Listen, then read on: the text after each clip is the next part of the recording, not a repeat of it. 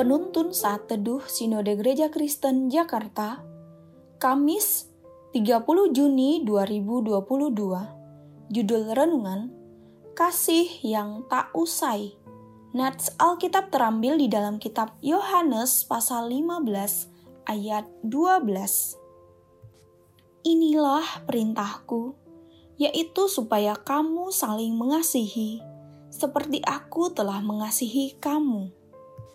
Setiap orang butuh dikagumi, dipelihara, dijaga, diterima, dibimbing, dihargai, bahkan dikasihi.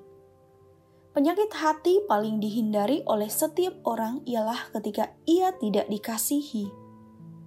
Manusia yang tidak dikasihi tidak akan pernah mampu untuk mengasihi, apalagi berbuat hal-hal yang didasari oleh kasih tetapi dunia harusnya bersyukur karena kasih terbesar telah lebih dahulu tercurah ke atasnya.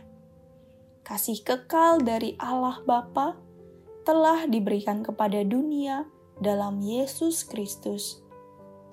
Selayaknya lah murid Kristus yang mengalami kelimpahan kasih menjadi teladan dalam tindakan dengan mengasihi orang lain dalam Yohanes pasal 15 ayat 9 sampai 17 merupakan panggilan bagaimana hidup sebagai murid-murid Kristus dapat menghasilkan buah. Setelah dalam Yohanes pasal 15 ayat 1 sampai 8 memberikan gambaran tentang pokok anggur yang benar yang mengajarkan bagaimana perlunya murid-murid Kristus memelihara persekutuan hidup di dalam Yesus melalui firman-Nya. Dalam pada nats hari ini, Yesus memberikan gambaran tentang kasih persahabatan untuk menunjukkan bagaimana bisa hidup menghasilkan buah. Murid-murid dapat mengasihi karena mereka telah merasakan kasih yang telah diberikan oleh Kristus melalui pengorbanan di atas kayu salib.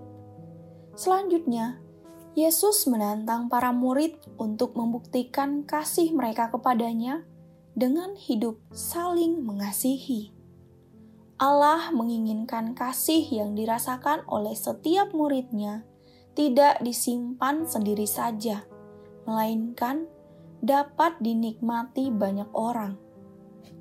Allah ingin memakai para murid untuk menjadi alat anugerah Allah memperkenalkan Kristus sebagai juru selamat bagi dunia ini.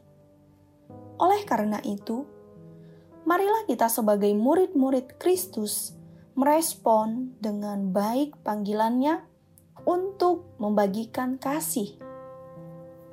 Bukti bahwa kita adalah murid Kristus yang sejati adalah ketika kita mempraktikkan hidup saling mengasihi antara sesama umat Allah.